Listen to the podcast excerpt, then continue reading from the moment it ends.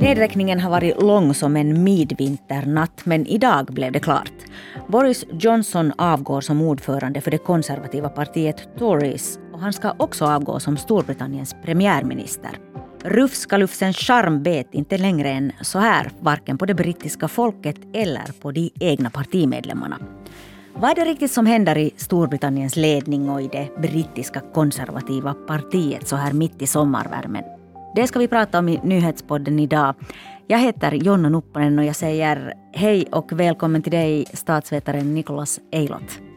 Hej, hej. Du har visserligen semester just nu men till vardags eh, är du docent och lektor vid Södertörns högskola i Sverige. Niklas, hur ska vi förstå det som händer i den brittiska statsledningen just nu?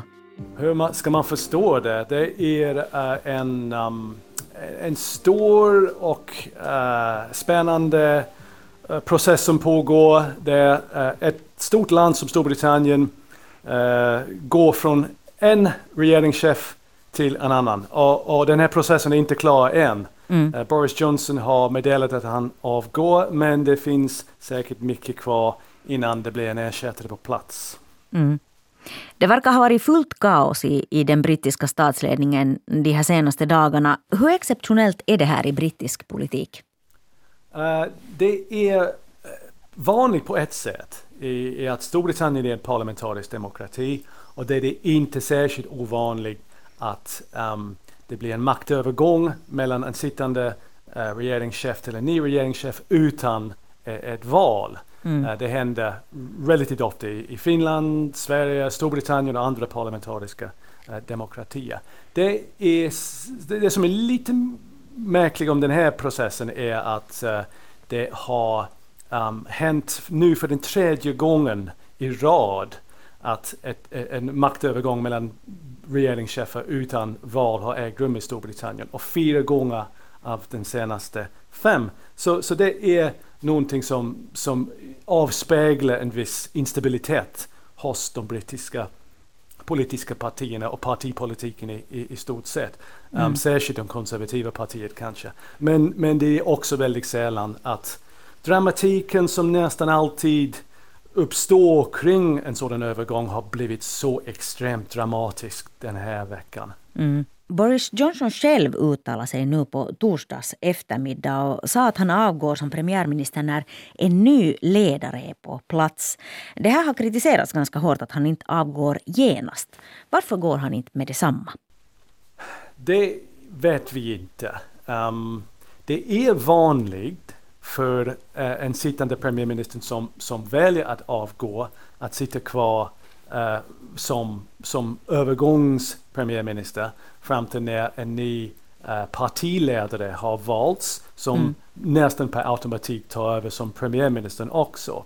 Så, så på sätt och vis är det inte ovanligt. Det som är uh, problematiskt nu är delvis att uh, det konservativa partiet har regler numera som innebär en lång process som kan ta uppemot ett par månader.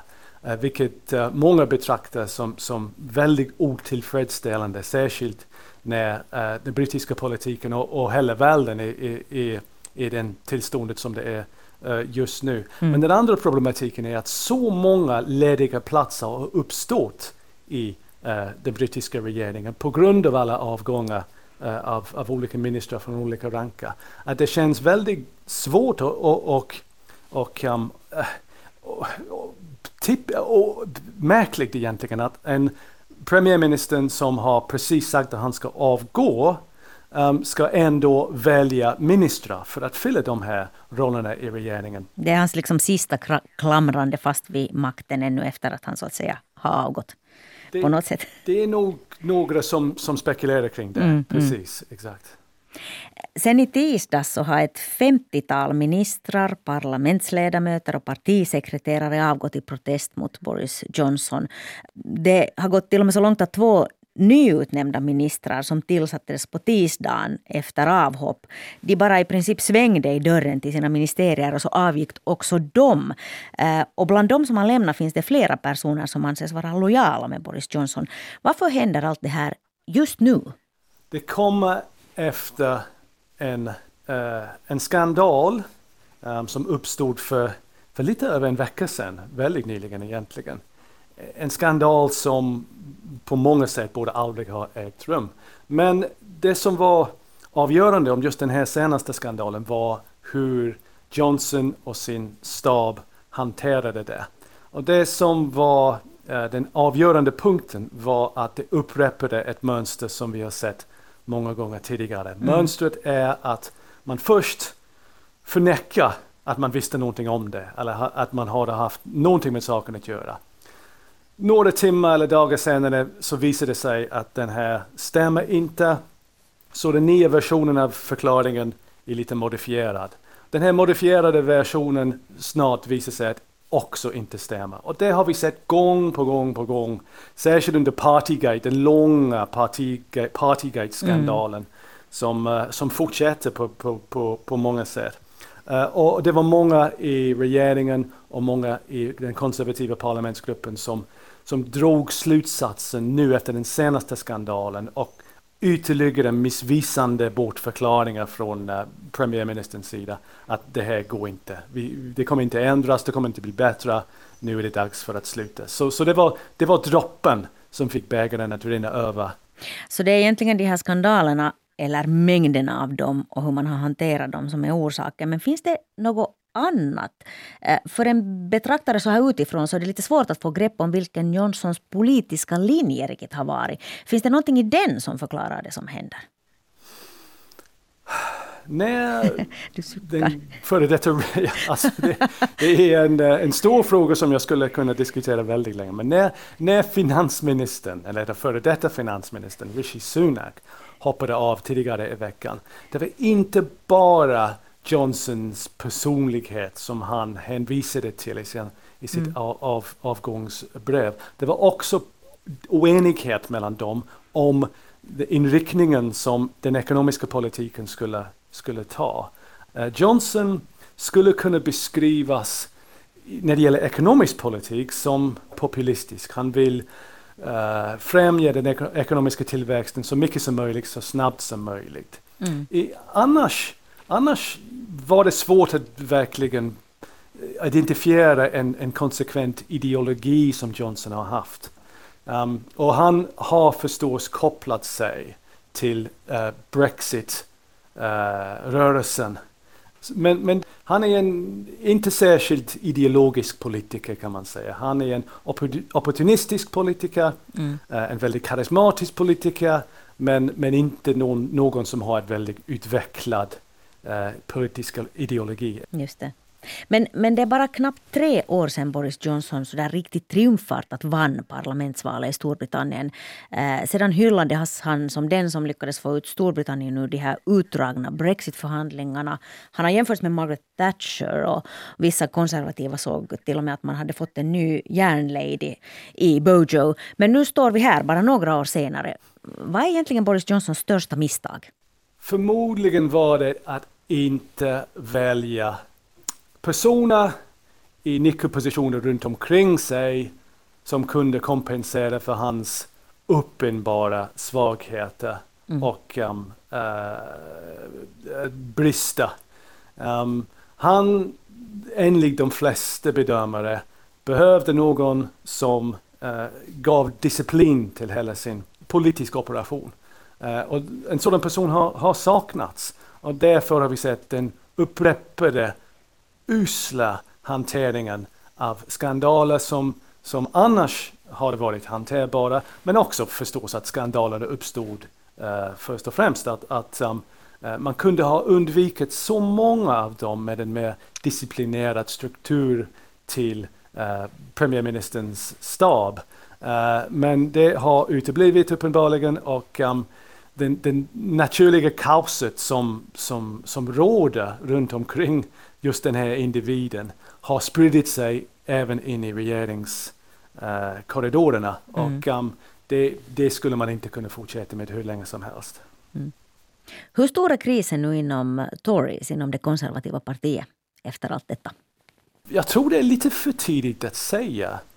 Enligt min uppfattning i alla fall är det tänkbart att om eh, processen att välja en ny ledare går relativt fort och det inte river upp allt för många splittringar i partiet om, om någon fråga under den här processen skulle partiet nästan kunna andas ut och, och kanske hitta någon slags enighet bakom den nya ledaren. För den stora splittrande frågan som, som var så otrolig för, besvärlig för partiet under så många år, det vill säga Storbritanniens förhållande med EU, är inte direkt avgjort men är nu mycket mindre hotande än det var under så många år, för Storbritannien har nog lämnat um, EU.